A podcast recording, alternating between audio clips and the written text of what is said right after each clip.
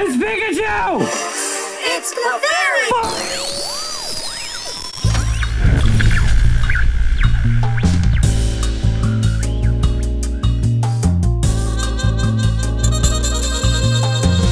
De Zeepkast. Opgenomen woensdag 3 augustus 2016. Welkom allemaal bij de Zeepkast, aflevering zoveel, weet ik eigenlijk niet. 17. Aflevering 17. Jouw bron voor al je science, technology en popculture nieuws. Naast mij zit David. Hallo. Hallo. En naast mij zit Sander. Hey David. Hey Sander. Hoe is het? Ja, ja, wel prima. Met prima. Met jou. ja, ja, ja, ook. Ook. We overleven het allemaal wel hier. Nou, gelukkig wel. ja. Dat lullig zijn als we ineens... eh, nee, goed. Maakt niet uit. Heb je een goede aantal weken gehad? Twee weken? Volgens mij zitten we nu redelijk on track met de vorige aflevering. Ik heb echt geen flauw idee. Het was gewoon letterlijk gisteren van... Dus we weer een zeepkast opnemen? Ja, het laten het we kwam doen. meer uit behoefte dan Ja. uit, uit Ja. noodzaak. Ja, ja, het afgelopen week... Ik ben weer best wel druk op zo'n festivalseizoen. Ik heb in eh, Hongerige Wolf gespeeld. Dat was echt gewoon in het. Hongerige wolf. Ja, dat is gewoon letterlijk een dorpje die heet Hongerige Wolf. Het En- is echt een dorp. Het is echt een dorp die heet Hongerige Wolf. Oh, En wauw. het is echt in het tipje van Groningen, bij de grens met Duitsland. Drieënhalf uur Dat rijden. is wel echt heel vet. Als ik ooit een bedrijf opricht, dan ga ik een postbus ga ik daar zo maken. Ja. Dat iedereen Ja, het is echt, zijn post naar hongerige wolf moet het is echt in the middle of nowhere. Maar het was wel gaaf. Dan want- zou ik mijn bedrijf Roodkapje noemen of zo. Roodkapje, hongerige wolf. Ja. ja. ja, zoiets. Nee, maar het was wel echt heel cool. Want het is, eh, dit was de zesde jaar dat ze dat deden. Ja. En het festival, dat is gewoon dat dorp, zeg maar. Met, eh, eh, het, het hele dorp wordt gewoon op stelte geze- gezet met... eh, Een hongerige wolf op stelten. ja, Dat zou het logo moeten Ja. zijn. ja, ja. Ja, ze hadden ook best wel een hip logo trouwens. Ja? Met, ja, met iets met een wolf en zo. Ja, En dat was wel gaaf. link snel gelegd natuurlijk. Natuurlijk. En ik heb ook in Brabant gespeeld, ook op een festival, Beyond Festival. Beyoncé dat was Festival. echt hippie shizzle, man. Ja? Ja. Iedereen in kleermakers Meer zit. eh, die moet je oppassen, hè? Ja. Misschien hebben we wel luisteraars die daar waren en die denken... Oh, Nee, die zouden er alleen maar trots op zijn. En dat was echt... Nou ja, als er luisteraars waren die er waren, het was echt super gezellig daar. Dat was Ja? echt heel vet, ja. heb je veel in de kleermakers zit gezeten? Hm? Heb je veel in de kleermakers zit gezeten? Nee, dat niet. Maar Sorry, bad joke. bad, bad joke. nee, vet. Ja, dus ik was daar wel druk mee. Oké, nice.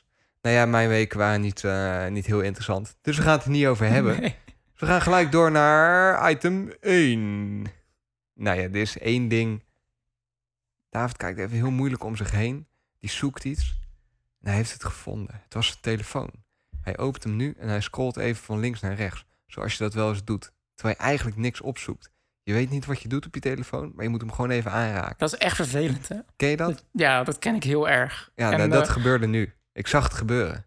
Nee, Ik- helemaal niet. Ik ging gelijk naar... Ik wist wat ik wou doen. Maar ik herken wel wat je zegt. Omdat je gewoon je iPhone pakt. Ja, en dan swipe je twee keer heen en weer en doe hem weer weg. Ja, en dan denk je eigenlijk van... Waarom pakte ik hem? En wat Is, daar een woord voor? Ehm, weet ik nog niet, vast wel. Swiper syndrome maar zou ik toevallig ben ik de laatste weken met dit onderwerp een beetje bezig. Maar ik ben nog niet zo ver dat ik het er deze aflevering over wil hebben. Oké. Gaan we volgende aflevering over hebben. Volgende aflevering gaan we het hebben over swiper syndrome. Ja, nou, het is meer Dat is gewoon... een term die ik net gecoind heb. Swiper syndrome is als je inderdaad je telefoon pakt, je swipe twee keer en je Ja. stopt hem weer weg. Vind ik wel een mooie term. Swiper syndrome. Ja. SS. Maar het is gewoon dat, dat, dat jezelf constant bezighouden, zeg maar. Dat is gewoon Ja, heel apart. dat is Maar weird. goed, Ja. dat eh, volgende aflevering. Mensen zijn sowieso af en toe weird. Oh ja, absoluut. Moet je Sapiens lezen. Goed boek. Weet je wat ook... Nou, wauw. Ik heb ook een keer een boek dat ik kan aanraden. Weet je wat een Ja. leuk boek is? Van eh Raoul Heertje. Eh, Mark Rutte is lesbisch. Roeertje, ik vind hem wel echt een baas. Hij is zo van, eh, Nou, dat, dat is een heel leuk boek. Dit gaat ook over de... dit was het nieuws. Ja, over de rare dingen die mensen doen. Op een gegeven moment beschrijft hij ook van, ken je dat? Dan zit je in de bus, dan stopt de bus en dan stap je uit. En dan eh, loop je naar links en dan bedenk je ineens, oh nee, ik moet naar rechts. Maar er zijn meer mensen zijn uitgestapt. En dan vind je het raar om gewoon om te draaien en naar rechts te lopen.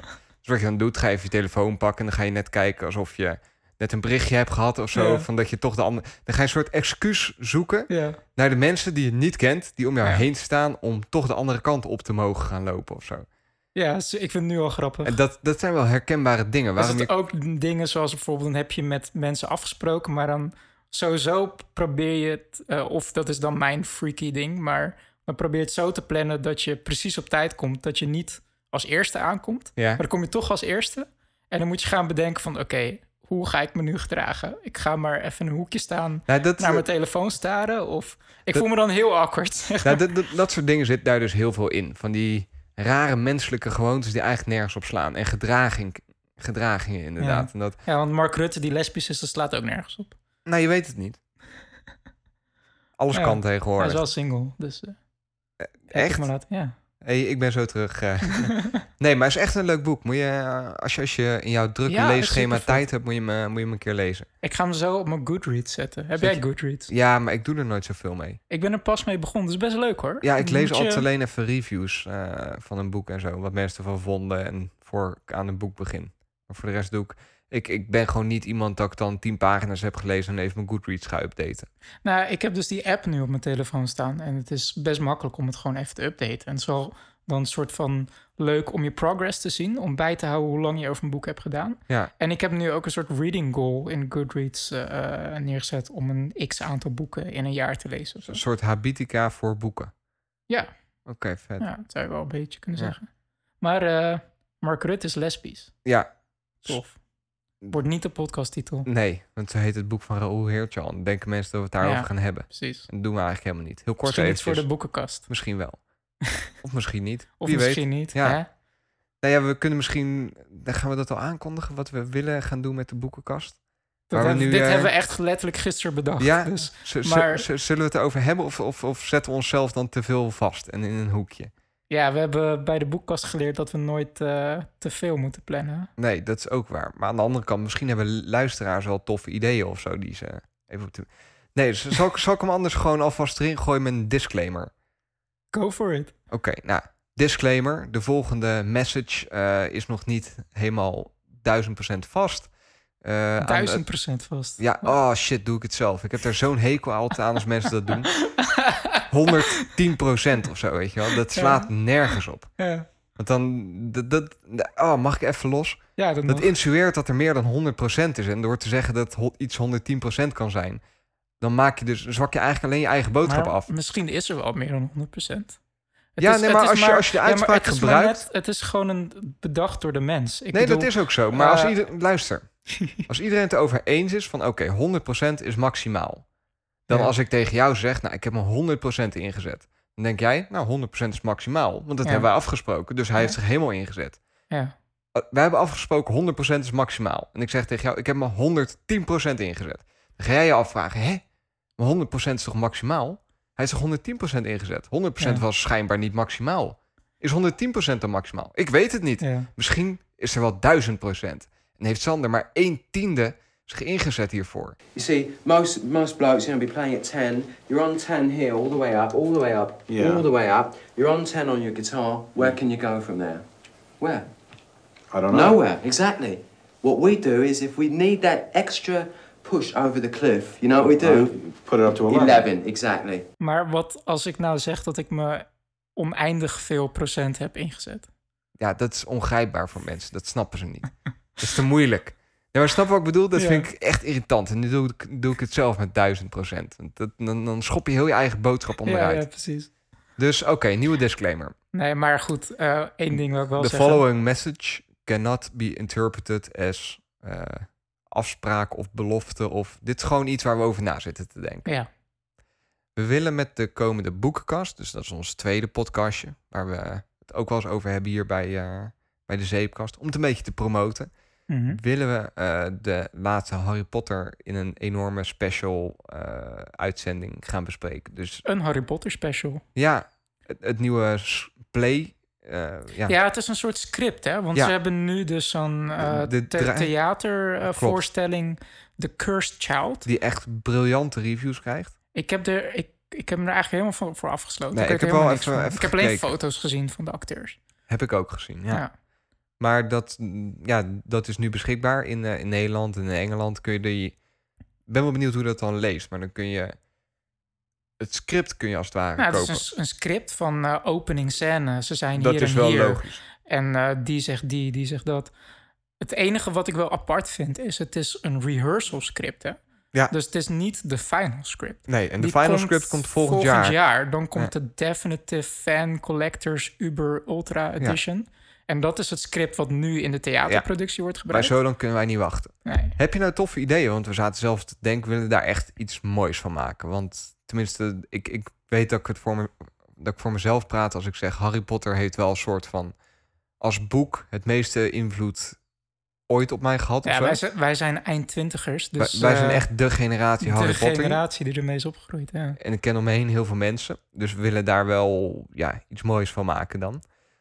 Ehm, dus heb je toffe ideeën die we dan kunnen doen? Eh, laat het ons even weten. Dat vind ik wel leuk. ja, ik zat sowieso te denken dat het misschien wel leuk is om ook een soort quiz te doen. Zo'n uber-fan feitenquiz over de Harry Potter universe. Ja. En eh, eh, die ik dan ook in de show notes zet of zo. En dan kunnen mensen ook meedoen. En dan de Ja. podcast op pauze zetten. En dan zo'n puntentelsysteem of zo. Dan kijken hoe goed... Ja, of, of misschien zelfs een soort live-uitzending-achtig iets of zo. Moet over nadenken. ehm, do we have the technology vast? Nou, dat moet er niet zo moeilijk zijn. Nee. Ik, dat was ook een soort van sarcastisch. Oh, Maar, het, was, ja, het lag er niet dik genoeg bovenop. oh. Maar goed, daar zitten we over na te denken. We hebben het er alweer veel te lang over. Heb je leuke ideeën? Laat het even weten. Cool. Ja, Cool. Zullen we dan nu echt even naar de Talking Points list gaan? Want die heb ik helemaal mooi gemaakt en zo. En nu gaan we eigenlijk heel andere dingen bespreken. Ja, maar dat is, dat, ja, dat, zo gaat het altijd. Ja, dat is alleen maar leuk. Ik, ik heb nog steeds de Talking Points list van aflevering 1. We hebben het nog steeds niet over gehad. Nee, waar, nou, er is één, één ding waar alles en iedereen het over heeft. En, En dat waar we niet overheen, omheen kunnen. Donald Trump. Donald Trump. Oh nee, we mogen het hier niet over politiek Nee. hebben. Zullen we het dan over Pokémon hebben? Ja, het moet. Waarom? Iedereen heeft het Nou, wij, wij, wij zijn een podcast die het hebben over science, technology en popculture. Als je het dan een beetje hebt over apps en dat soort dingen, dan kun je er eigenlijk niet omheen. Wijst uit dat als je Pokémon Go speelt... Dat je een retard bent. Ja, dat. Nee. Nee, wat dan? Nee, weet ik veel. Ik dacht gewoon even Oh. inspelen op wetenschap. Nee, ik vind het. Ik, ben jij een Pokémon Go-speler? Ehm, ik heb het op mijn telefoon staan. Ja. Ik heb het best actief gespeeld. Mhm. Ik denk dat ik er nu al wel weer op uitgekeken ben. Oké, Eerlijk gezegd. oké. Komen we zo op terug waarom Ja. je erop uitgekeken bent. Ja.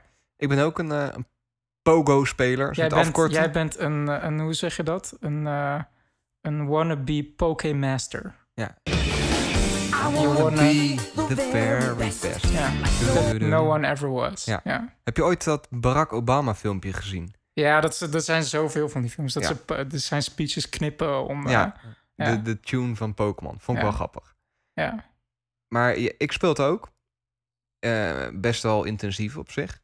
Mhm. Ik ben nu level 21 of zo. Dus je hebt, ik zie mensen om me heen die veel hoger zijn. Ja, ik ben level 14. Ik heb geen idee 14. of dat hoog of laag is. Of, eh, but eh, I don't care. Eh, Ik weet het ook niet. Ik zie dat zo uiteenlopen, maar eh, ja. ja, ik ben level 21 en ik vind het heel vet. Ja? En ja, ik wil het voor de rest niet te veel hebben over de game zelf, want ja, Nee. driekwart van Nederland speelt het, dus iedereen zal weten hoe het in elkaar zit. ja. Maar wat, waar ik me aan kan ergeren, of waar ik me aan irriteer, is dat er door de media. Oh, dit klinkt wel weer heel erg tinfoil head of zo. Hè. Maar dat. Ja, de media die, die, De- de- die manipuleert media, ja. alles en zo. Hè? En, dan, eh, Ja, nee, maar dat het zo negatief vaak wordt neergezet. en in welke zin?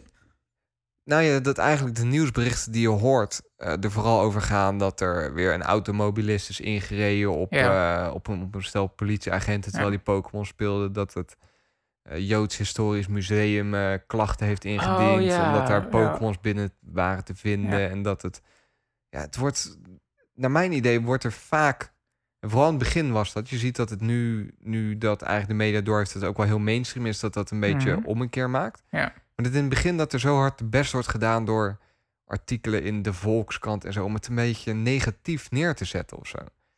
Dat mensen naar buiten gaan Ja, en helemaal maar niet meer opletten. En... Maar wha- what else is nieuw? Alles wat gewoon, ja, maar bij gewoon deze... een soort van, van potentieel...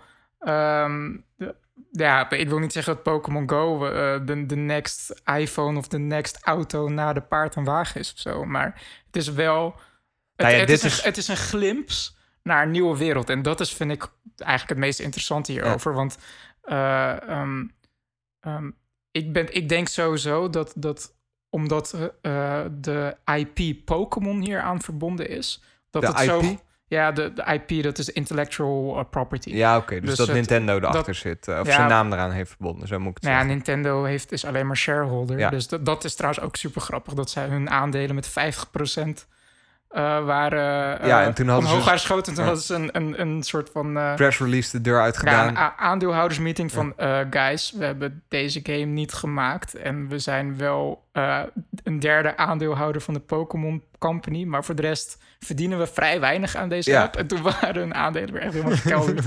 Geniaal. Maar het is gewoon... het, het is echt een mega fenomeen. Heb je dat filmpje gezien oh, eh, in Central Park in Ja, New dat York? heeft met zo'n hele gezien, massa menigte. They just spawned a Vaporeon over there. ja. Ja, dat is gewoon super grappig. Maar dat was niet gebeurd als het gewoon een AR-game was...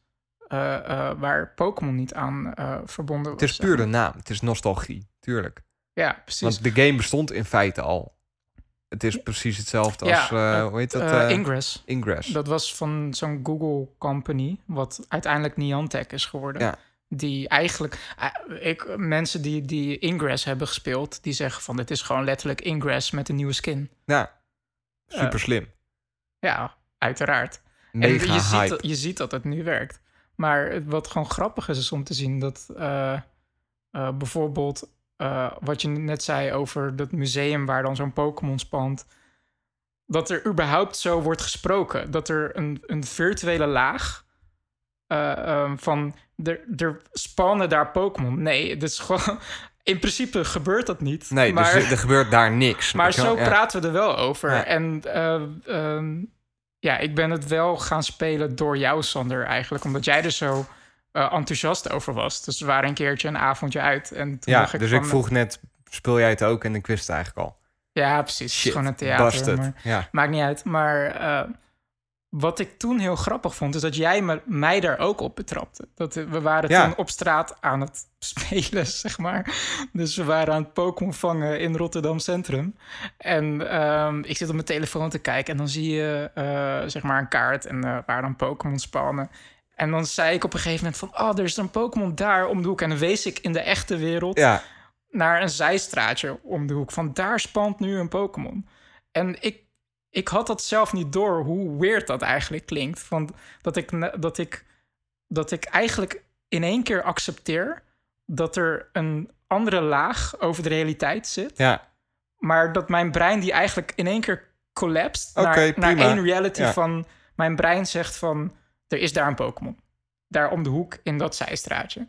Dat, dat zei ik echt alsof het zo normaal is van dat ik alsof ik op mijn, eh, weet ik veel, ANWB-kaartje zit te kijken van, oh, we moeten daar om de hoek zijn, van daar Ja. is de, de tankstation of zo. ja. Nou ja, En, ik- en toen- zei jij dat tegen mij, van super grappig dat jij zegt dat, dat, jij, dat jij met je vinger in de echte wereld wijst waar die is. En toen dacht ik van, damn, dat is inderdaad zo. Want dat slaat eigenlijk helemaal nergens op. Ja. Weet je, maar het is, dat vind ik eigenlijk het meest interessante. Dat, dat, het, dat eigenlijk onze hersenen, dat dat, eh, eh, die dat zo snel accepteren. En daarom vind ik het ook best wel freaky van wat AR en virtual reality in de toekomst...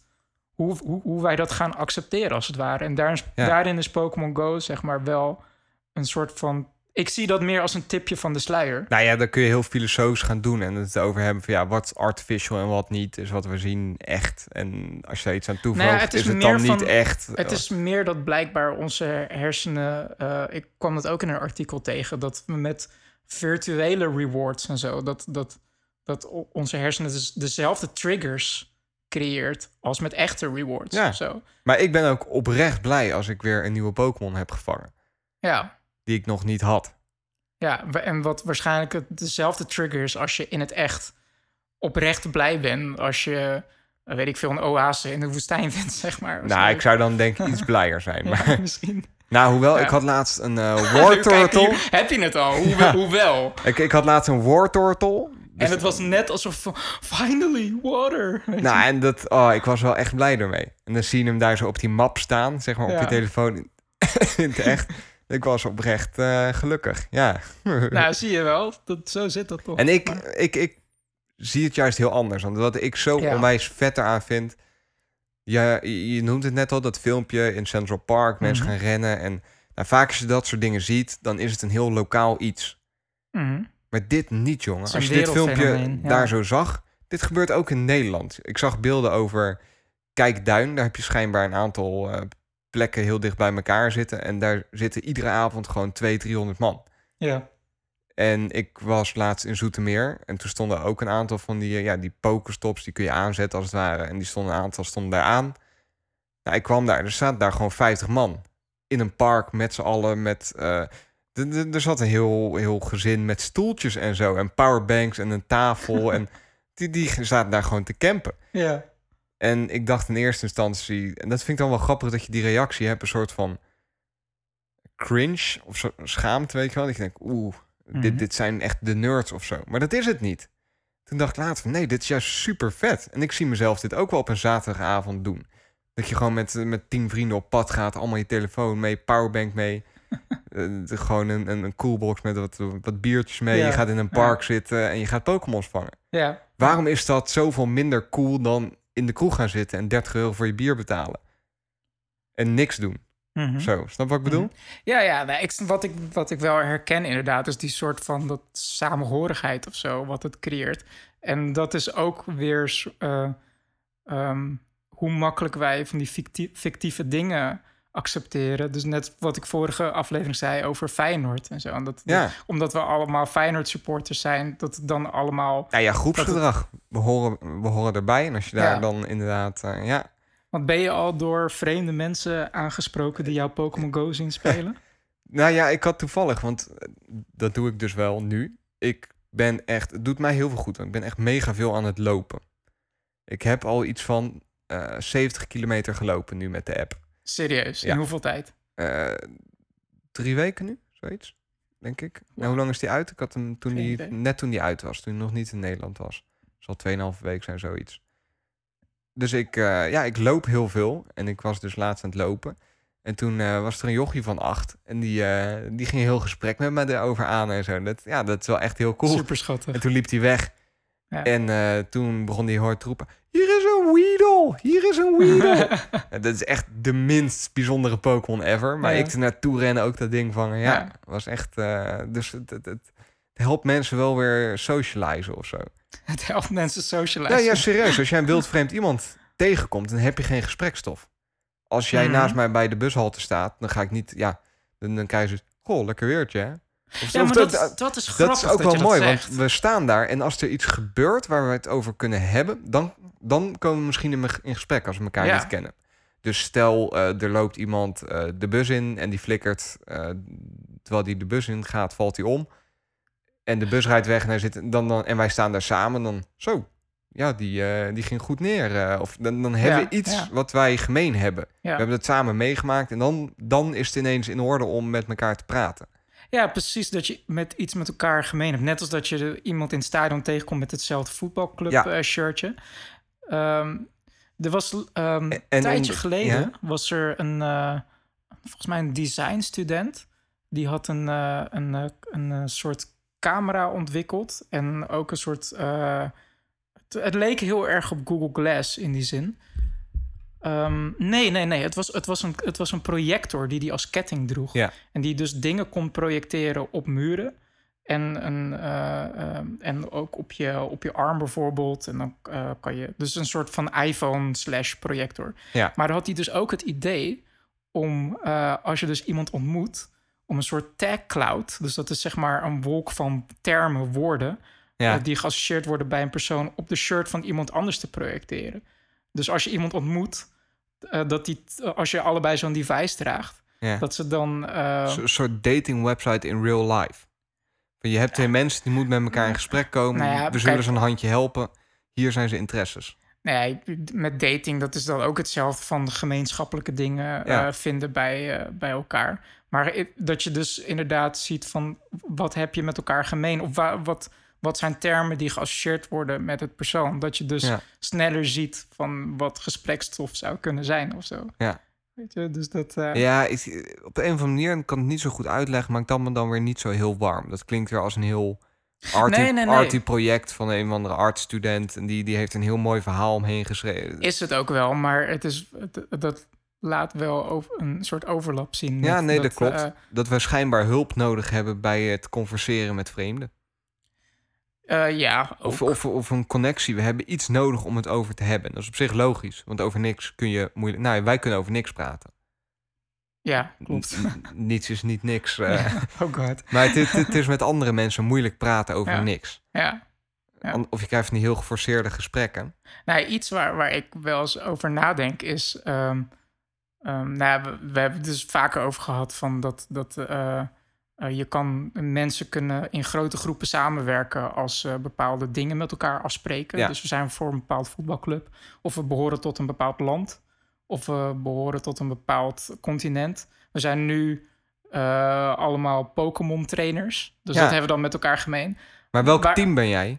Ik ben eh, eh, Mystic. Team Mystic, yes. Maar Goed. dat is weer gewoon omdat ik alleen maar gewoon randomly een blauwe kleur heb gekozen. Ik Niet zomaar een blauwe kleur, hè? Ja. De blauwe kleur. ja, jij bent dus gewoon veel meer willing om dat gewoon te accepteren in één keer. Ja, ik vind dat leuk. Maar, maar eh, wat, waar ik me dan afvraag is waar zit het limiet? Van dat je, er moet er, ja, het moet niet, maar ik vraag me of het er is dat je op een gegeven moment gewoon niet, dat, dat, dat, er, dat je, ik noem maar wat, dat je eh 10 miljard mensen, als je dat, dat dat het max is, die allemaal een bepaald fictief idee aanhangen. Zeg maar, dat het daarbuiten gewoon niet meer kan en dat het niet meer werkt of zo. Snap je een beetje wat ik bedoel? Ja, ik snap wat je bedoelt. Het makkelijkste voorbeeld is denk ik, denk ik een land. Van, van verzin eh, het... het eh, Ja, waar, zo- waar je volgens mij naartoe wilt, is stel worden aangevallen door aliens.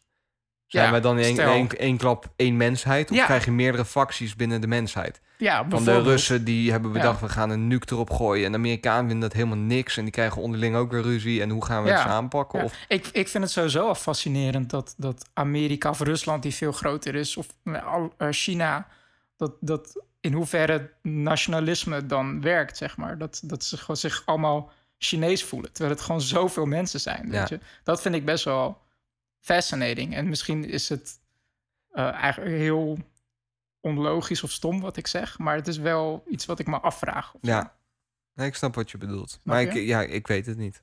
Nee. Maar ik vind dat dus heel mooi, juist aan die Pokémon hype. ja, dat, het dat, echt, dat het eh, toch ook weer dit, dat ja, eh, enige, enige wat ik jammer vind, ehm, en daar heb ik zelf ook al wat mee geëxperimenteerd, maar ik, ehm, het is goed te doen om enorm vals te spelen. Oh ja, vertel. Ja, ik weet niet, heb je daar iets over meegekregen? Nee. Nou, er zijn verschillende niveaus van vals spelen. Dus je Mhm. hebt eh, het eerste niveau, ja, dat waren websites als Pokevision. Nou, wat die doen, eh, je krijgt gewoon op een eh, Ja, Google dat, Maps dat heb kaart ik wel meegekregen. ja. krijg je te zien waar die Pokémon zitten.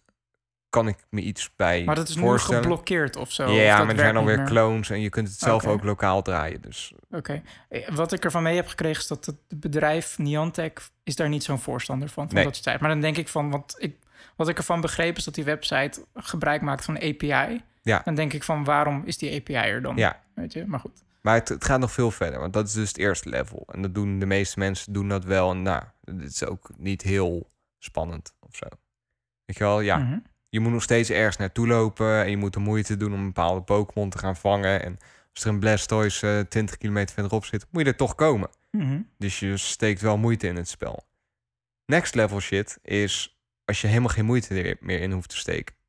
Je hebt dus een aantal bots. En ik, heb, ik ben daar wat mee aan het experimenteren geweest.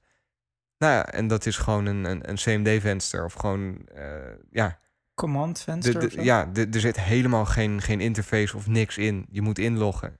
Je kunt instellingen doen. Je laat het draaien. Dat ding dat haalt eh 100.000 XP voor je per uur. En je laat hem een dag aanstaan en je bent level 30. Dus het is gewoon gehackt. Nou, niet gehackt. Kijk wat er gebeurt. Dus je kan jezelf gewoon, je kan jezelf gewoon die, je punten eigenlijk bijtellen gewoon door op een knop te drukken. Nou, niet, kijk wat er gebeurt. Jij hebt die app draaien op jouw telefoon. Mhm. Maar je stuurt niet constant als het ware je, ja, je graphical interface naar de server. Mhm. Dus de server kan niet bepalen, zit jij binnen een app of niet. Het enige wat er gebeurt, die eh, app die vraagt gegevens op bij de main server. Die zegt, ik ben op deze coördinaten.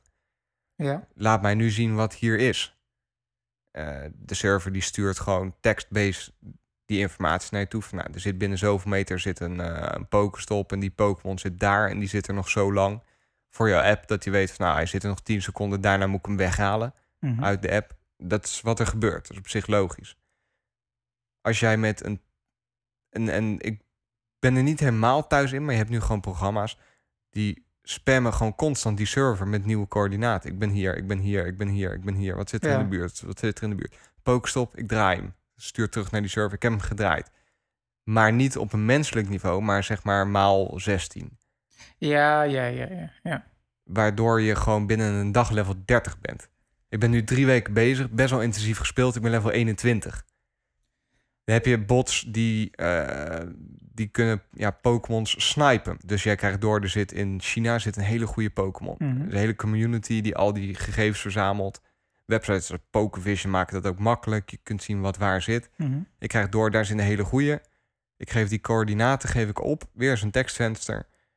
Eh, wat hij doet, eh, je geeft je thuiscoördinaten op. Dus hij logt in, als het ware. Hij geeft aan de server door, ik sta nu op de thuiscoördinaten. Hij teleporteert je even naar waar die Pokémon zit. Want je geeft die coördinaten in van, nou, daar zit hij. Dan vangt hij die Pokémon en dan ben je weer terug. En dan heb je in één klap een Blastoise of een... eh, Maar wat heb je daaraan? ja, niet zoveel, maar het verpest het wel goed.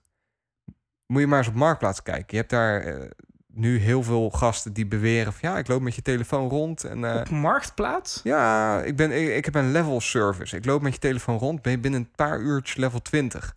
Weet je waar me dat aan... Onzin, die gasten, die, jij geeft hun accountgegevens, die loggen gewoon in. Die zetten zo'n script aan, jij betaalt 30 euro.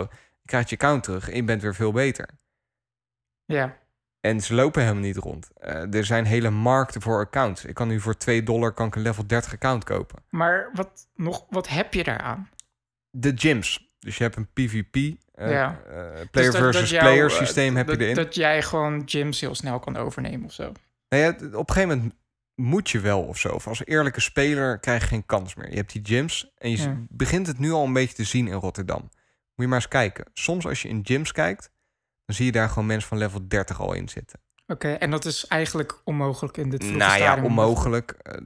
Het, je moet heel veel gespeeld hebben, wil je nu al level Oké. 30 zijn. Eh, ja, dat Ja, is vrij lastig. Gewoon no life. Weet je waar, waar me dit aan doet denken? Ja. Ehm, World of Warcraft. Ja, Ik heb dat nooit gespeeld. Heb jij dat wel eens gespeeld? nee. World of Warcraft? Een massive multiplayer online game. Ja, heb je ook En- bots in... eh, Nee, je had bedrijven die, die eh, huurden gewoon Oostblokkers of Ja. Aziaten in ergens om, om karakters aan te maken, om te grinden. Dus gewoon het spel te spelen tot level 60 te komen. En dat karakter verkopen ze dan. Dus dan koop je een karakter die Ja.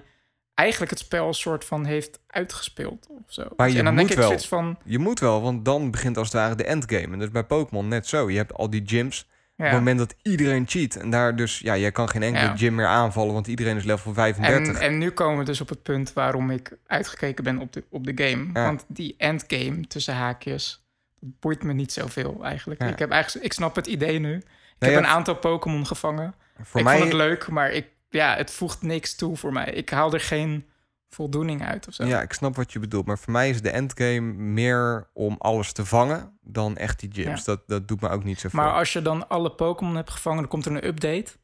En dan zijn er nog meer Pokémon en dan ga je weer verder. Ja, maar dat is altijd zo, toch? Ja. Maar ik ben wel van een first generation Pokémon. Ja. Daarna heb ik... Dus ja, als je alle first generation Pokémon hebt, dan ben je er klaar mee. Geen idee. Weet ik, dat moet nog kijken hoe dat ontwikkelt. Maar Ja. dat is nu net het gedeelte van de game dat een beetje kapot is. Ja. Doordat er geen tracking systeem in zit, zie je wel wat er een beetje in de buurt is. Maar dat is Ja. puur kans. Als ik naar Ja. links loop, dan heb ik kans dat ik hem Dus tegenkom. de kans dat je ze allemaal vangt, dat, dat gaat, daar gaat nog best tijd in zitten. Dat denk gaat eh, lang duren, ja. Even afsluitend. Het, het was dus echt een mega, mega, mega hype. Volgens mij is het deze app alle records verbroken. Ik heb nog eh, nooit zoiets meegemaakt. ja. Dat was echt, echt heel bizar. Kunnen ze dit vasthouden? Nee, dit niet. En er moet ook in de bedrijfsfilosofie wel iets veranderen. Want het schijnt dat ze in eh, Ingress Mhm. Dus best wel hard waren op eh, hackers en op mensen die botten Ja. en zo. Nou, nu gebeurt er niks. Oké. Je kunt doen wat je wilt. Ik had zo'n bot aangezet. Ik heb hem eh, anderhalve dag in China laten spelen of in Japan laten spelen. Eh, toen heb ik hem weer naar Nederland gehaald, daarin gelogd, niks gebeurd. Eh, ik heb hem over heel Nederland heen getrokken, in, in New York laten staan. en ja, echt gewoon maar kijken of, ik, of ik een ban kon krijgen. En het enige wat er af en toe gebeurt, is dat je een soft ban hebt. Ja. Dus dat houdt in dat telkens als jij een Pokémon wilt vangen, dan rent hij automatisch weg. Dat je eigenlijk niet meer kunt spelen. Maar ook daar heb je weer een programma voor. Want als jij eh, schijnbaar 40 keer aan zo'n Pokéstop draait, ja. dan wordt je ban opgeheven. Dus je hebt dan weer een programma, die zet je aan en die doet dat voor je. Ja, ja goed. Ik, ehm, ik, ik, heb, ik heb het wel gezien met Pokémon eigenlijk. Dus nee, ja, dat, dat moet ze gewoon aanpakken. Maar Ja. in de core vind ik, en dan vooral het sociale aspect ervan, Ja. vind ik heel cool. En ik hoop oprecht dat die botters niet het spel gaan verpesten voor de, de normale spelers, zeg Mhm. maar. Dat die, die random verzamelingen van mensen gewoon blijven gebeuren. Dat als ik in Zoetermeer rondrijd, dat ik daar ineens 50 man zie zitten en dat ik erbij kan gaan zitten en dat ik iets heb om over te praten. Dat vind ik zo Ja. mooi eraan. En zolang Ja. dat blijft gebeuren, heeft de game voor mij waarde. Op het moment dat iedereen vanuit zijn huis gewoon Ja. programma's kan aanzetten. En vanuit thuis ook, ook alles kan doen. Ja, dan is het voor mij wel klaar. Ja. Ik denk eh, dat...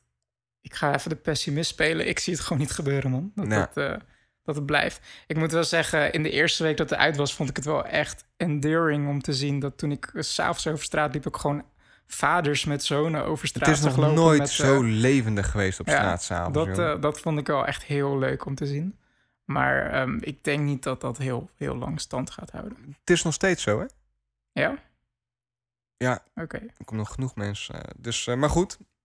Wat, eh, wat vonden jullie ervan, eh, luisteraars? Laat weten. ja, vind ik wel cool. So far Pokémon Go. We, hebben het, eh, we zouden het even kort over hebben, maar dat lukt ons niet echt. over gehad, man. Dat Jee, lukt man. ons niet echt. Hoe lang zijn we al bezig? Geen idee. Geen idee. Maar genoeg over Pokémon. Eindelijk. Eindelijk, ja. Jongen, Nee, ik denk jongen. dat het, dat het genoeg besproken is. Ja. Want er zijn nog andere interessante dingen In de dingen wereld gebeurd. in de wereld gebeurd. Pokémon was niet het enige relevante. Oh, niet Donald Trump. Oh nee, nee, mocht niet. nee, Mag niet. gaan we het niet over hebben. gaan we niet doen. Nee, je mag tegenwoordig je pistool meenemen in Texas. Nee, gaan we het ook niet over nee, hebben. we hebben, we hebben, we hebben twee regels.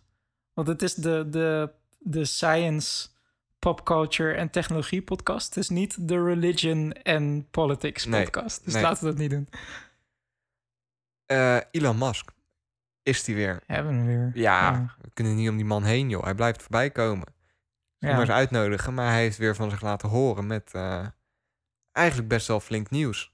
En dat eh, is de aankondiging van zijn eh, Super Secret Master Plan Part 2. Dus deel 2. Part 2. Part 2. Dus zo heeft het ook echt opgeschreven, hè? Ja, hè? Part 2. Part 2. Dat is wel een beetje pretentious, maar ook Zo- wel Zo heel grappig. heet het ook echt. En dat, ook wel heel grappig. Even een beetje background informatie. Eh, nou, Elon Musk gaan we niet vertellen wie dat is. Want als je dat eh, niet weet, dan moet je dat even googlen. Wikipedia. Wikipedia. Maar Elon Musk heeft dus eh, altijd gewerkt aan de hand van zijn masterplan. Dat heeft hij een x aantal jaar geleden bedacht. En dat heb ik echt wel over een aantal jaar geleden. En dat is zijn plan voor de toekomst. Dat was tien jaar geleden, volgens mij. Volgens mij ook. Ja. En dat is eigenlijk het plan achter Tesla. Van we gaan eerst een hele dure auto gaan we maken. Een supercar om wat geld te verdienen. Die elektrisch is. Nou, dat was de Tesla Roadster. Dan gaan we een tweede auto maken die al wat meer voor de massa is. Maar nog steeds vrij duur. Om nog meer geld te verdienen. Eigenlijk de rijke elite laten betalen voor... Ja, hij is een de- soort de Robin Hood. Ja, in principe wel.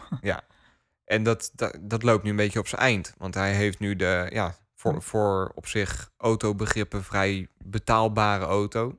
Nou, niet ja, helemaal. De echte betaalbare auto tussen haaks, die moet nog komen, hè? de Model 3. nee, ja, maar daar doe eh, ik ook op. ja. Maar die is ook niet echt betaalbaar. Want het is nog steeds 30.000. Ja. eh, Ja, maar voor een elektrische auto is dat baanbrekend betaalbaar. Mooi woord. Baanbrekend betaalbaar. Dus dat, dat masterplan, ja, dat is wel een beetje klaar. Dus Elon liep wat met zijn ziel onder zijn arm. Wat moet ik nu? Dan heeft hij gewoon een nieuw masterplan bedacht.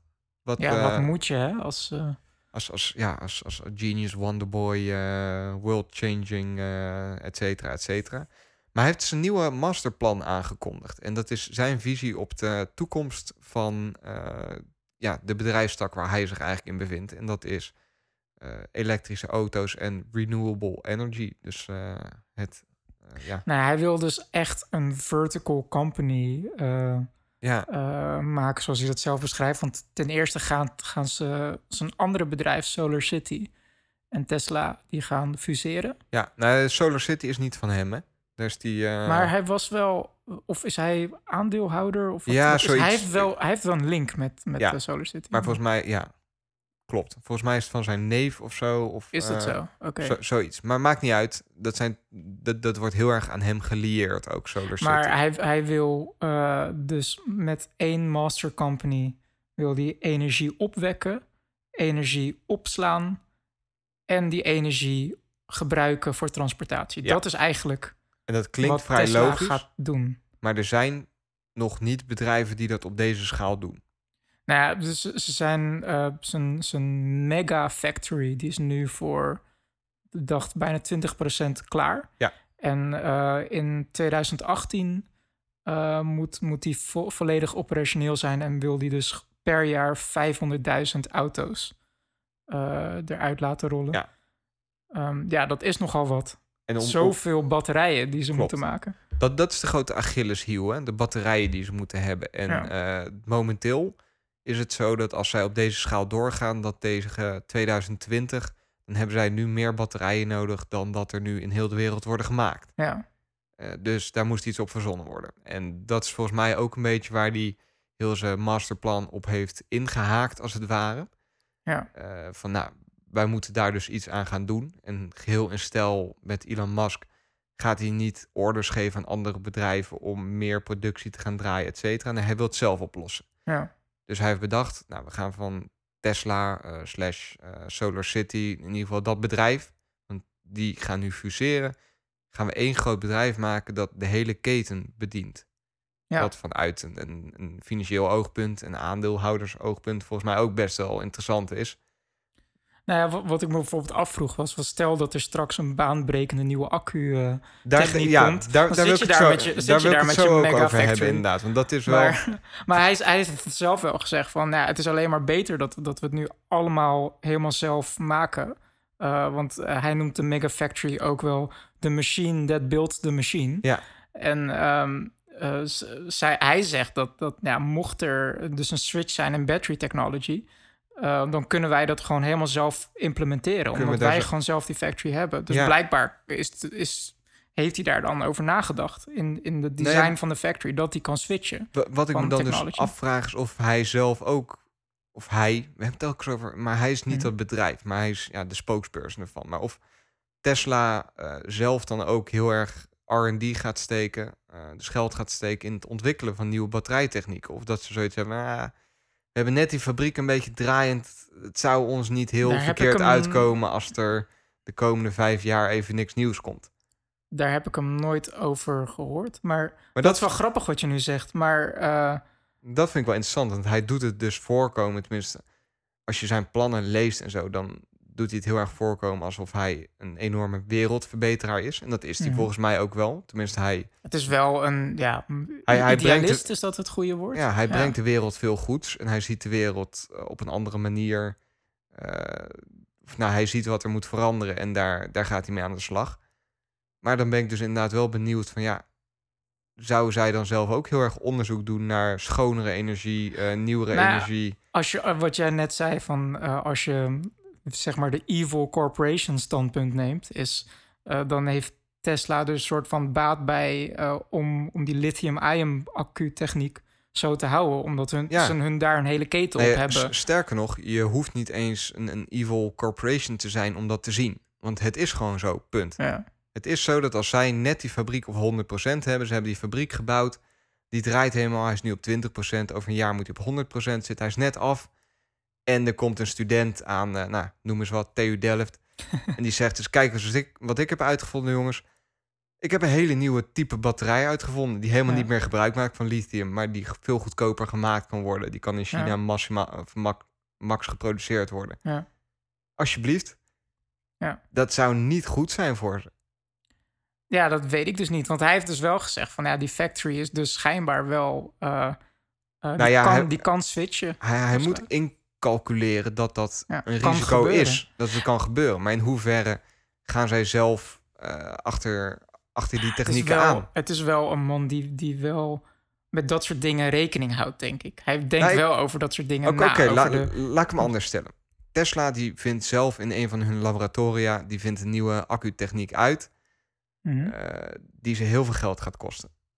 Om, de, om de factory om te bouwen. Dus het- we zijn een jaar verder, de factory draait helemaal. eh Zij hebben heel veel Maar geld dus uitgegeven. de, dan moet je dus de aanname doen dat het Ja, mega veel geld kost Nee, om maar die dit, factory dit, om te bouwen. dit is de hypothese. Hè? Dus we zijn een jaar verder. Eh, Tesla heeft die fabriek draaiend. Model 3 die begint een beetje productie te draaien. En er is een slimme man bij Tesla. Die heeft geld gekregen om dat te onderzoeken. En die zegt... Ilan, ik heb hier een plan. Eh, en we kunnen een veel betere batterij bouwen. Maar eh, ja, als we deze machines moeten hebben om dit te gaan bouwen... dat gaat ons eh 30 miljard kosten Mhm. wat zou die dan doen? Als er gewoon uit de analyses blijkt van het zou ons veel beter uitkomen als deze techniek pas over vijf jaar geïntroduceerd wordt. Ja, Of, Wa- of, of ja, vind je ik dat niet? vind dat, ja, dat is zo speculatief. Ja, ik nee, ik kan maar- er gewoon niet zoveel over zeggen. Het enige wat ik erover kan zeggen Daarom is is dat, het een hypothese. dat, dat, dat uit... eh, ehm, ja, je- dan heb je het over ten eerste in hoeverre, hoeveel invloed heeft Elon Musk binnen Tesla. ja, nou, Eh, dat is stap 1. Stap 2 is... Je hebt, iedereen heeft een bepaald beeld bij een persoon die je opbouwt. Ik heb dat beeld opgebouwd over wat ik allemaal van hem, hem heb gelezen en wat ik zie in interviews.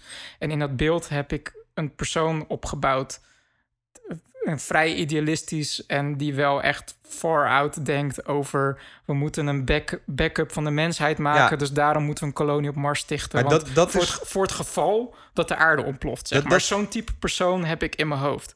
En dan is maar de vraag of dat ook echt klopt. En daarom, en- dat, dat vind ik het interessant aan die hypothese. Ja, Van, want, want klopt het of klopt het niet, dat beeld dat je hebt? Oké, oké. Als ik jou dan op die, in die zin dat ga benaderen, dan dat, dat die personage Elon Musk die ik in mijn hoofd heb, eh, stel dat dat klopt met de realiteit. Ja, En stel dat hij ook dusdanig, dat, dat hij dusdanig de touwtjes in handen heeft binnen Tesla, dat hij dat kan uitvoeren, zeg ik van ja, het is wel echt het type persoon die zegt van oké, dat doen we, want dat is gewoon beter voor de wereld. Maar dat, dat is puur een, een beeld of zo, Ja. wat ik heb.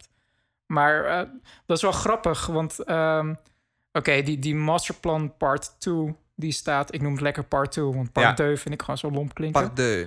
Die, eh, niks tegen Fransen, maar eh, ehm, die staat op de blog van, van Tesla. Super vet om te lezen. Ja. Dus die staat sowieso in de show notes.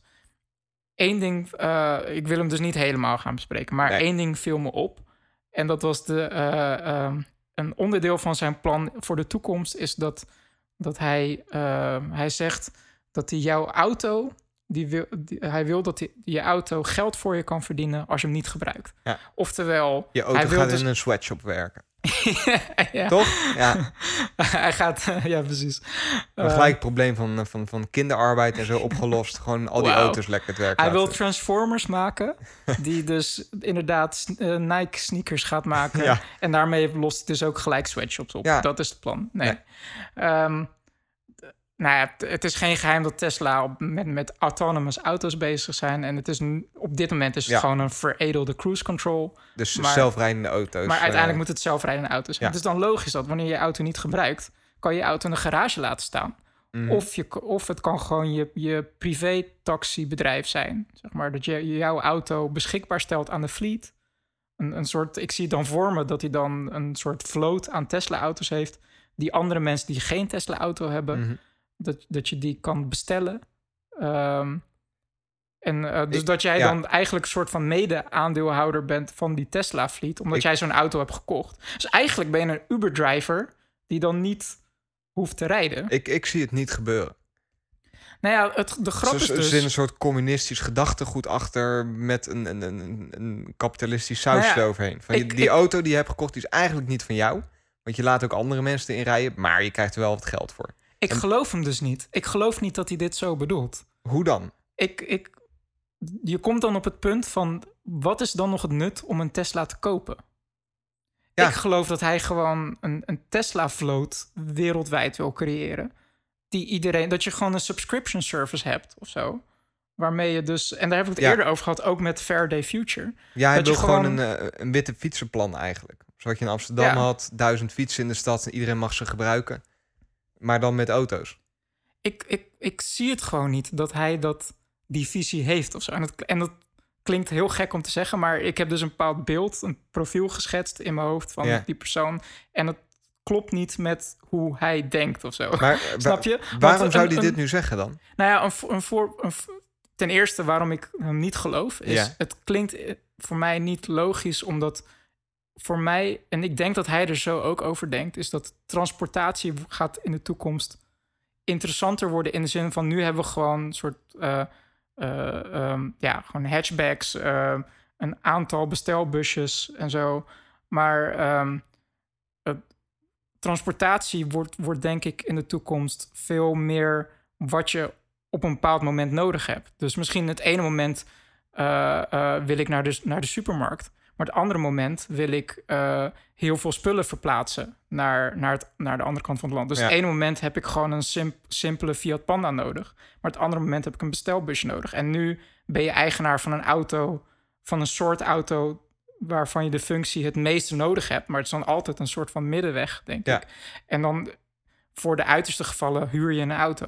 Ja. Maar het is eigenlijk logischer als je Altijd auto's al- huurt. Altijd auto's huurt. En een soort van altijd kan bedenken van... oké, in dit geval heb ik dit nodig. Ja. En dan als je dus auto's gaat verkopen... en die mensen zeg maar in staat het- stelt om een auto beschikbaar te stellen... Dan, dan heb je niet helemaal in controle...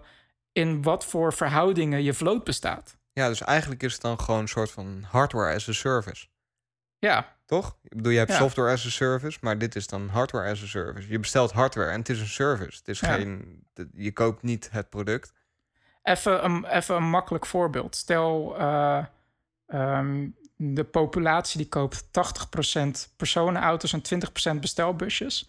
Maar eigenlijk uit, uit eh, want dat is hoe de markt zich heeft geuit. Ja, Maar uit berekeningen blijkt dat de verhouding logischer zou zijn als het uit 40% bestelbusjes bestaat en 60% eh eh personenauto's. Ja. Dan moet eh, om die 20% missende capaciteit bestel, autonome bestelbusjes op te vullen, zou Tesla zelf nog een vloot moeten toevoegen. En dat zegt hij ook wel van ja, in de beginfase gaan we ook een, onze eigen vloot. Maar ja het is, ik, ik, ik vind het gewoon niet optimaal of zo. Weet Maar je? hoe, hoe En- zou hij het dan bedoelen en waarom zegt hij het zo? Nou, ik denk dat het in, in de basis is Tesla een, een autobedrijf die auto's verkoopt, die producten verkoopt. Een Ja. product company.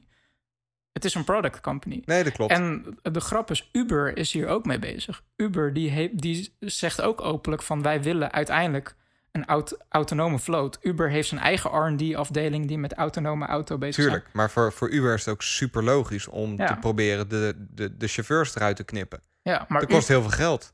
Maar Uber is nooit een product company geweest. Het is een services company Ja. geweest. Een, een van A naar B services En dan zou je die company. service goedkoper kunnen aanbieden door gewoon de chauffeur eruit te schoppen. Dan doen ze dat. Ja, Tesla is dat niet. Nee. En ehm, ja, ik, ik, ergens denk ik dat... dat, dat, eh, dat, Dat Elon hiermee bedoelt dat hij ook die richting op wil. nou, maar dat het misschien op dit moment riskant is... eh, om, om richting je aandeelhouders of whatever... te zeggen wat je echte plannen zijn. ja, oké. dus je hebt het gevoel dat hij een beetje een spelletje aan het spelen is met zijn aandeelhouders. Ja, misschien.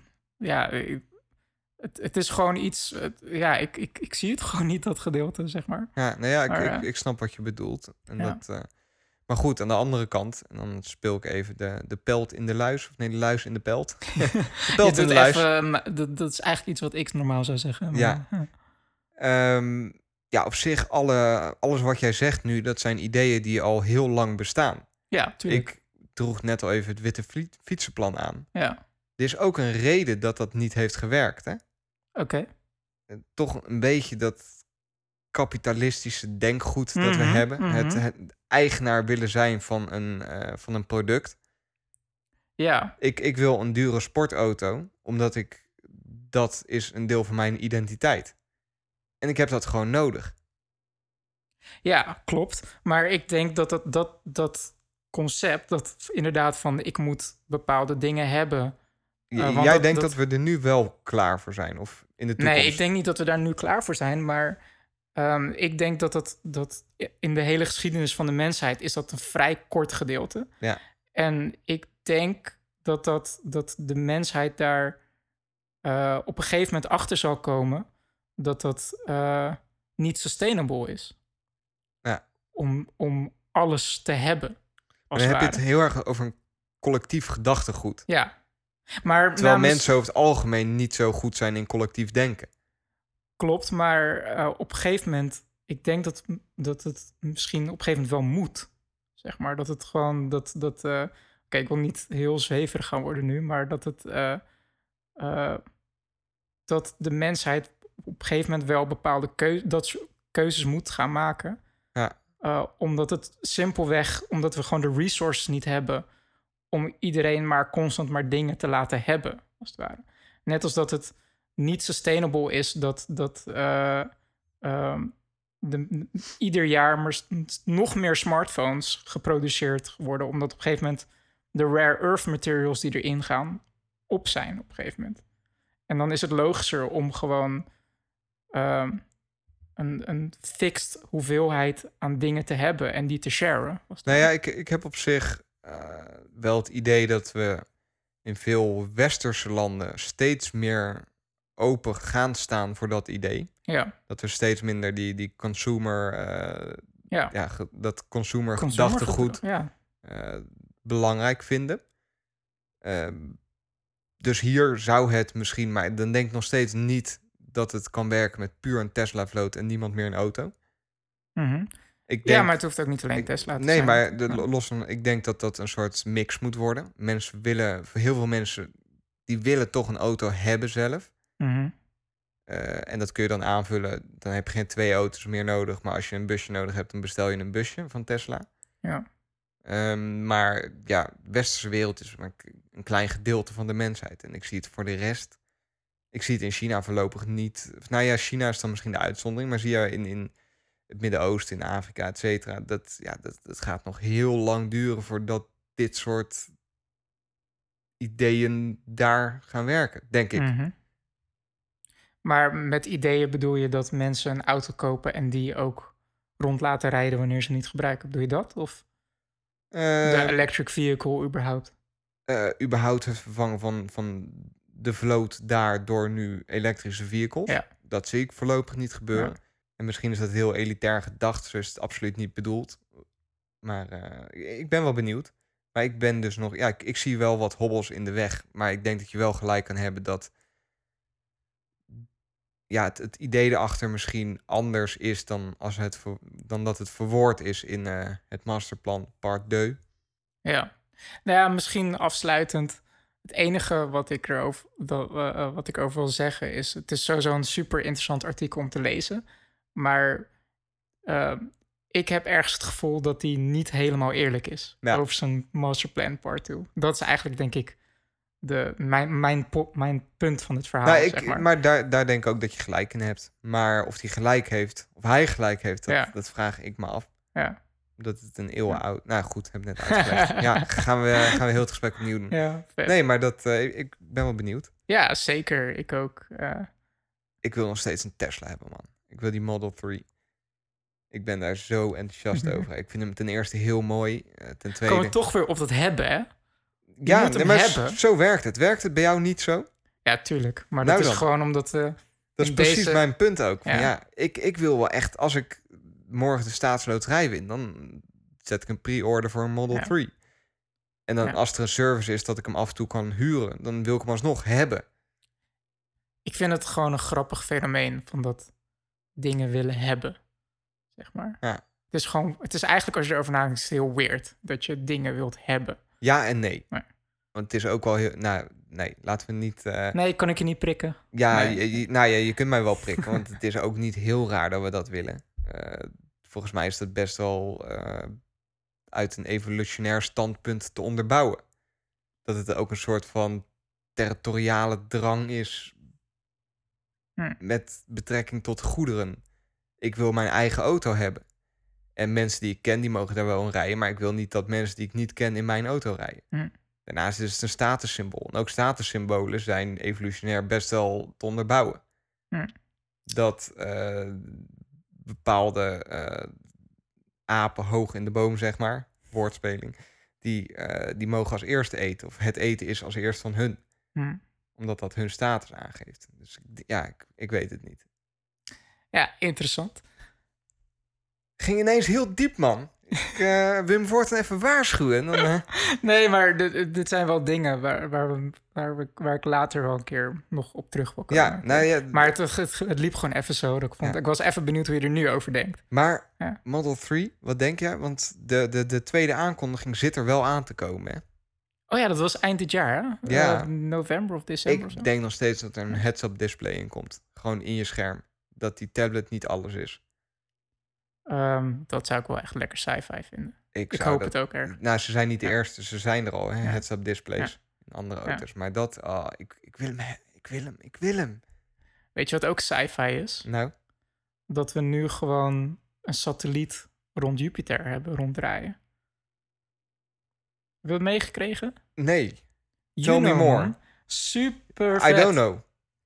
Nou, er is nu een... eh, Je hoorde eh, mijn pan niet.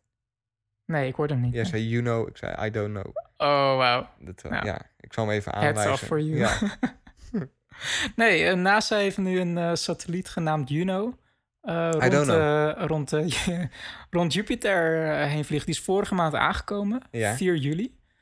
En ehm, ja, er, het is nu een, een, een spacecraft die... ehm, Zwanger is. Ach, die film, Juno. Wauw, dat is echt een referentie die gaat echt ver terug. Ja. Ik vraag me af hoeveel mensen hem, hem snapten. Nou, over de naam gesproken. Ja. De naam is zo goed bedacht. Ik vind het echt geweldig. Ehm, want ehm, Jupiter, dat, dat is eigenlijk de Romeinse benaming voor, voor- van de... Oh ja, de- dit heb ik wel gelezen. Dit heb ik gehoord. Ineens gaat er een, een, een belletje bij mijn rinkelen. Ja, het is eigenlijk het, het is de, de, de God of Gods, zeg maar. eh, eh, De ubergod. Zeus, de ubergod. Ja. Eh, De eindbaas. Ja, maar zoals eh, het met eindbaas eh, gaat, het, was waarschijnlijk ook een beetje een stoute jongen die stoute dingen deed op aarde. En eh, zijn vrouw, Juno, die, eh, die had dus de krachten om door de wolken heen te kijken, om, om te kijken wat, wat er man een beetje eh, uitspookte. En eh, laat dat nou precies de missie zijn van Juno. Die wil door de wolken van Jupiter kijken wat er nou allemaal gaande is Ja, in de, eh, wa- waar, waar de wolken uit bestaan, waar de diepere laag eh, wolken uit bestaan. Ehm, of er een, een kern is, ja, of dat puur gas is. dat weten we allemaal niet. nee. En ehm, nou, ik, ik vond het gewoon ten eerste vond ik het zo gaaf bedacht. Ja. Ik denk wel echt een van de beste namen van de, voor, Satelliet, voor een eh, satelliet. van Juno, de eens. vrouw die door de wolken heen kan kijken. En dat is precies eh, de, de vrouw van, van eh, Jupiter, die dus door de wolken heen kon kijken wat Jupiter uitspookte. Ja. En eh, eh, er zijn een aantal dingen wat ik gewoon super gaaf vind eh, ehm, aan deze missie. Ten eerste, eh, eigenlijk de core van de missie is om te onderzoeken eh, wat, eh, eh, hoe de evolutie van Jupiter is gegaan en waar het uit bestaat. Ja. Ehm, en dat, ehm, En dat willen ze dan uit data van de wolken. eh, ja, er zitten een aantal, een aantal sensoren, camera's op. Ze willen met microwave radia- radiation willen ze eh, kijken hoeveel, uit hoeveel water het, de atmosfeer bestaat. En eh, de, hoe heet dat, de stralingsgebied rond de planeet willen ze gaan meten. Ehm, een, maar een aant- waarom Jupiter zo interessant is om te onderzoeken. Het is eh, de grootste gasreus van, van eh, ons zonnestelsel. Mhm. En het heeft de meeste materie. Meeste massa. Het heeft de meeste materie eh, van alle andere planeten en asteroïden en kometen samen. Oké. Het is dus ook, eh, zo luiden de theorieën, de eerste planeet die zich gevormd heeft. En het geeft dus, Jupiter geeft de diepste kijk, Ja. bijna letterlijk, naar, In de geschiedenis van... naar eh, hoe de gaswolk eruit zag die uiteindelijk onze zon en de planeten heeft gevormd. Ja, dus oké. dus de, eh, de onderzoek, het onderzoek wat Jupiter, eh, wat Juno gaat doen de komende 20 maanden, want zo lang gaat de missie duren, gaat dus uiteindelijk waarschijnlijk eh, de bestaande theorieën over hoe ons zonnestelsel is ontstaan uit de, uit de schijf aan waterstof en helium en materie, eh, wat de planeet heeft gevormd, die gaat dat bevestigen of misschien wel weer leggen. Ontkrachten, ja. Waardoor, eigenlijk, waar, waar- waardoor we eigenlijk weer moeten gaan kijken van... ja, maar hoe zijn de planeten ontstaan? Dus dat wordt super interessant. Super nice. Ja, maar dat is echt de core wetenschap, de missie van wat eh, Juno gaat doen. Maar wat heel vet is, eh, is dat ze nu ook de amateur-astronoom eh, eh, erbij willen betrekken. Want er zit ook een camera op Juno, die heet JunoCam. Ja. En nou, misschien een stap terug. Vaak op, op eh, satellieten zitten er allerlei specifieke camera's op infrarood, ultraviolet, microwave. Ze kijken naar specifieke frequenties. ja, maar dan zijn het puur kan je, meetinstrumenten. precies, het zijn Ja. meetinstrumenten en daar kan je superveel. eh ja, daar doe je wetenschap mee, hou je data uit, Ja. waar, waar, waardoor je dus tot bepaalde conclusies kan komen. Nee, ja, en- als satelliet moet je wel. Je kunt niet een sample nemen van... Ja, Ja, ook. Maar ehm, wat de Unocam is, is eigenlijk gewoon een normale kleurencamera. ja. En die hebben ze specifiek opgezet om van dichtbij foto's te maken. Gewoon kleurenfoto's, ni- niks science data. Ja, wel science, maar niet hele specifieke data over, over eh, magnetisme of eh, Gewoon kleurenfoto's. gewoon kleurenfoto's Ja. zoals je met een iPhone zou maken. Ehm, ehm, die camera zit erop. Is het en- een iPhone ook? dat zou wel heel vet zijn. Maar het, ehm, vanaf november kunnen mensen stemmen waar die camera op gericht moet worden. Eh, Dus Ju- Jupiter? Ja, maar op welk gebied in Jupiter? Dus eh, je, kan, eh, eh, eh, s- je kan stemmen op specifieke gebieden. Er zijn eigenlijk nu al provincies op Jupiter. ja, Toch? Ja. Welke provincie willen we zien? Nou ja, ja, ik, ja hm. Toch? Hoe bedoel je, provincies? Nou ja, Jupiter is al onderverdeeld in gebieden. Mm, nou ja, er- zijn gewoon points of interest. Voor de, Ja. de, meest, de meest bekende is het gigantische rode oog. Wat een, een, een rode vlek is. Wat eigenlijk een soort storm is die al 300 jaar gaande is. Eh, 300 jaar is niet zo heel lang. nee. Nee. Maar ehm, we, we kunnen gewoon eh, super dichtbij kleurenfoto's maken. Wat nog nooit eerder is gebeurd. Dus we kunnen gewoon van heel dichtbij kunnen we nu zien hoe dat eruit ziet. En daar kun je nu gewoon op stemmen. Super vet. Ik ga wel dat vind stemmen. ik echt heel vet. Ja. Maar hebben zij dan wel een beetje hulp over eh, wat wat is en wat je waar ziet? Of moet je echt blank stemmen? Ehm, nou, op de site is nog een beetje vaag eh, over eh, hoe dat gaat worden. Ik denk dat, want het, is, het gaat pas echt in november beginnen. Dus ik Ja. denk dat richting die tijd wordt het allemaal wel wat duidelijker. Ik, als ik moet gokken, gaan ze gewoon. Ze zijn nu met amateur-astronomen, die kunnen nu al foto, zelfgemaakte Jupiter-foto's met telescopen vanaf de aarde. eh, kunnen ze eh, uploaden en dan kan je al wat dingen aangeven van ja, misschien is dat gedeelte interessant. Dus ze zijn nu denk ik bezig met het vergaren van points of interest. Ja. En ik denk dat het dan vanaf november dat, ze, dat je dan groepjes krijgt met points of interest van oké, eh, welke eh, eh, plekken, vlekjes krijgen de meeste stemmen, die gaan we fotograferen. Nou, en het heeft vet. dan ook te maken met de baan van, van, van de satelliet. Tuurlijk. Je, Waar die langskomt, je, je waar moet je wel op gaat iets stemmen. zien. Ja. Ja. ja, cool. Dat is heel vet aan Unocam. En het andere heel, hele vet aan Unocam is dat richting, toen die richting Jupiter vloog, Ja. Heeft hij ook een, een, eigenlijk een stop-motion filmpje gemaakt. Hij heeft in- over het gebied van twee weken heeft hij allemaal foto's gemaakt. Ja. En je kan dus in een kleurenfilmpje kan je de approach naar Jupiter zien. En dat is twee weken eh, worth of time, zeg maar. Ja, twee weken condens tot ongeveer een minuutje film. En ehm, wat hier bijzonder aan is, is dat Jupiter die heeft een aantal manen. Dat is eh, Europa, Io, ehm, het zijn een stuk of vijf. Ja. Echt grote, zeg maar. Ehm, die, als je dat ziet, ziet het er bijna uit als de zon in het midden met planeten die er omheen draaien. Een, een soort mini-zonnestelsel Een eigenlijk. soort exact, een soort mini-zonnestelsel. En dat hebben wij nog nooit gezien. We hebben, als je erover nadenkt, het, het zonnestelsel, het, het, het concept van de zon in het midden met eh, Planeten planeten, die eromheen. draaien, dat kunnen we eigenlijk alleen maar in animaties laten zien. Ja. We hebben nooit een top-down view eh, gekregen van eigenlijk Newtons wetten in, in werking van de planeten die door zwaartekracht ronddraaien rond een celestial body. Zeg maar. En dat filmpje laat eigenlijk in de werkelijkheid zien hoe dat werkt. En dat is echt fascinating om te zien gewoon. Dat je dus gewoon concreet evidence hebt van, Nee, van, het is echt zo. Ja. ja, van, van kleine bodies die, zich, die, die ronddraaien rond één grote bol. Zeg maar. Dat hebben we nog nooit geobserveerd.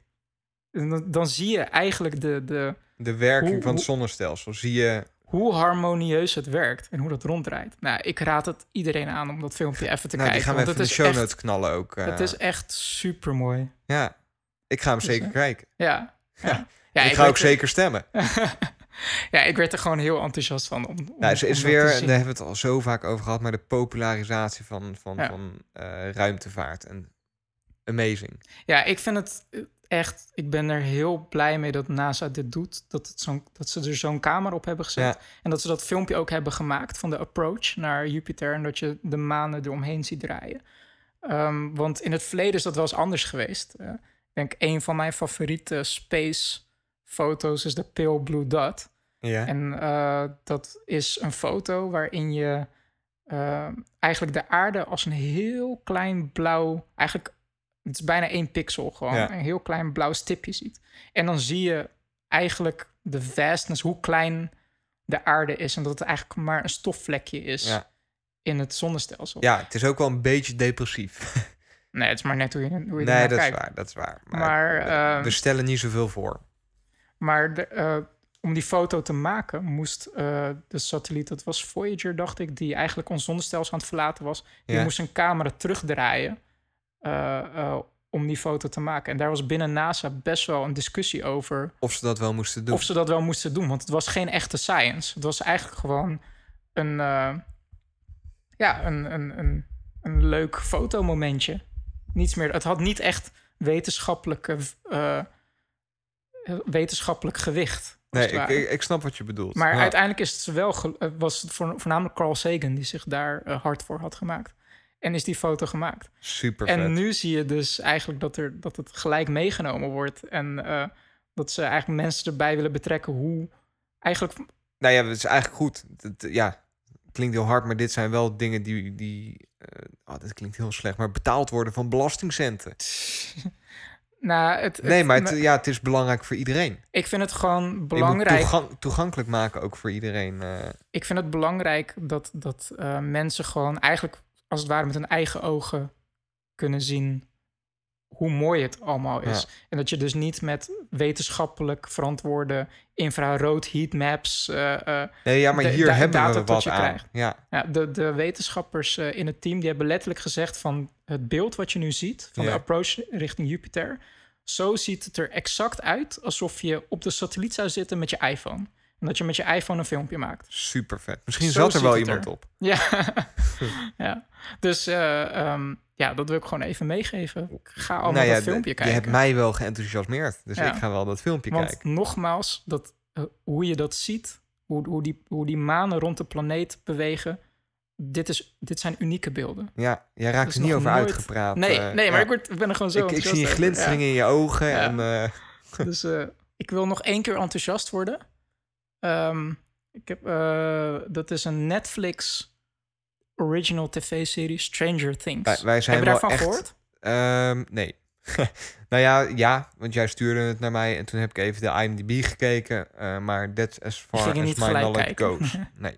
Stranger Things heb ik echt in één weekend gebingewatcht. is ook niet heel erg moeilijk, want het, is, eh, het bestaat uit acht afleveringen die ongeveer 50 minuten duren.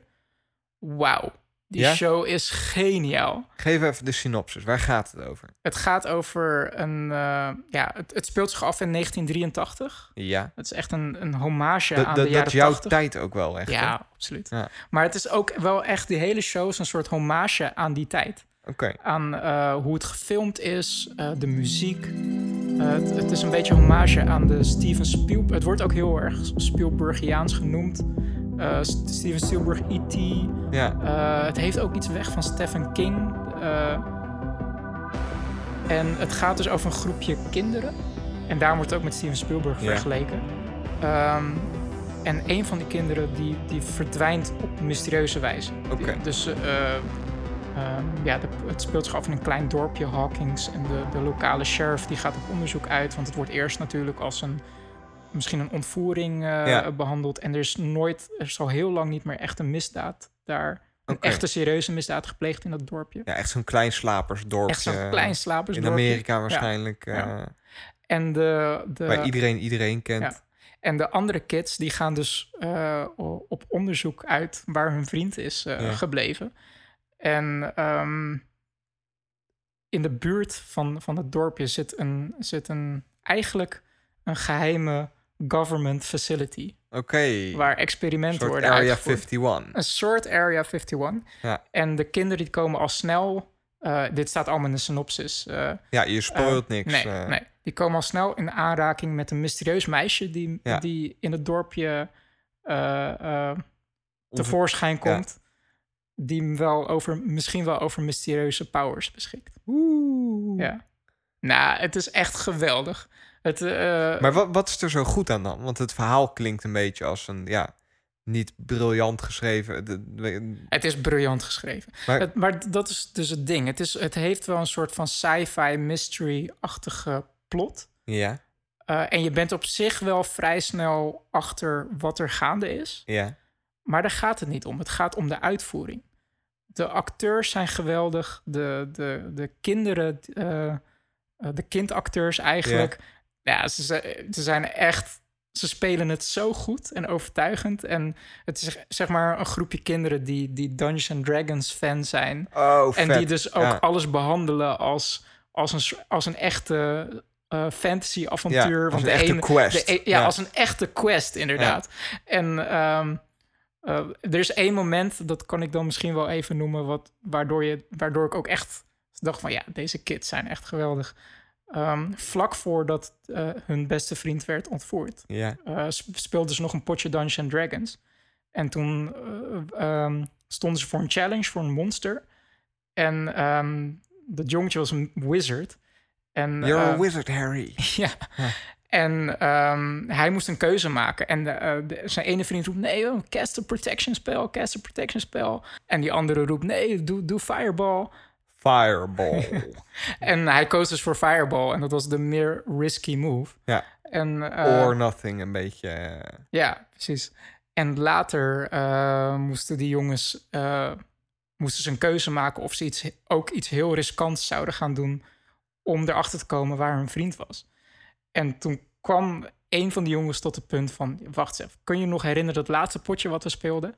Hij castte fireball. Hij, deed zich, hij, hij zette zichzelf in de gevarenzone. Ja. Hij beschermde zichzelf niet door, door over zichzelf protection te, te roepen, maar eh, hij, hij zette zichzelf kwetsbaar op om, Ja. ons, om De- de, rest van het team te redden. Dus Le- wij- levenslessen vanuit Dungeons dus, and dus Dragons. dat moeten wij eh, nu ook doen. Nou, dat vond ik zo schattig om te zien. En. Super En- vet. Ik zou het wel Ja. een keer willen spelen ook, man. De- Het, Ja, het heeft wel echt een enorm hoog nerdniveau, maar Ja, het lijkt me wel heel cool om een keer te spelen. Maar ehm, ja, lijkt het je wat als ik het nu zo be- beschrijf? Ja. Of ben ik nog te vaag over deze show?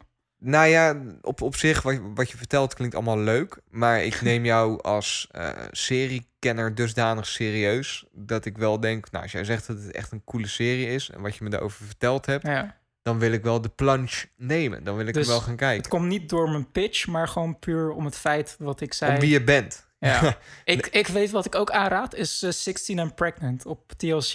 Ja, Die raad ik ook aan. is- ja, is- is, ah. geweldig. eh. Ga ik dat ook even kijken, ja? Nee, maar Stranger Things, ik ben daar zo verliefd op geworden Ja? op die show. Ja, ik, ik vind ook... Ik vind trouwens acht afleveringen is echt een perfecte lengte voor een, voor een tv-serie. Ja. Eh, en ja, ik kan niet wachten op seizoen 2. Dus eh, Stranger Things. Super vet. Ehm, zullen we... We gaan afsluiten. Ik denk dat die wel weer lang genoeg is. ik eh, denk en dat, de- we, dat we ook een mooie lengte En de hebben. accu van mijn eh, MacBook is ook bijna leeg. Oh, had je niet Elon de Musk heeft hem nog niet eh, geoptimaliseerd. Eh, Lieve luisteraars, bedankt voor het luisteren. We hopen dat je het weer eh, vet gevonden hebt en eh, met veel plezier hebt geluisterd. Heb je feedback, je weet ons te vinden. Twitter, Facebook, etc. Gooi er even een Google-opdracht uit en eh, je komt bij ons terecht. David, bedankt eh, voor je wijze woorden weer. Nou, wijs. hè. Jij ook bedankt, Sander, In- voor in jouw kritische blik. In Dungeons and Dragons zou jij een wizard zijn, denk ik. Denk je? ik denk het wel. Grappig. Hey, eh, tot de volgende keer. Tot de volgende keer. Live long and prosper. Ciao.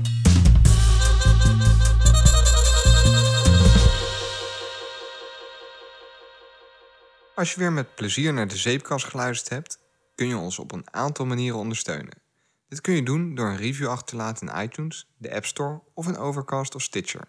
Deel de zeepkast met je vrienden en kennissen en like ons op Facebook. Nogmaals, enorm bedankt voor het luisteren.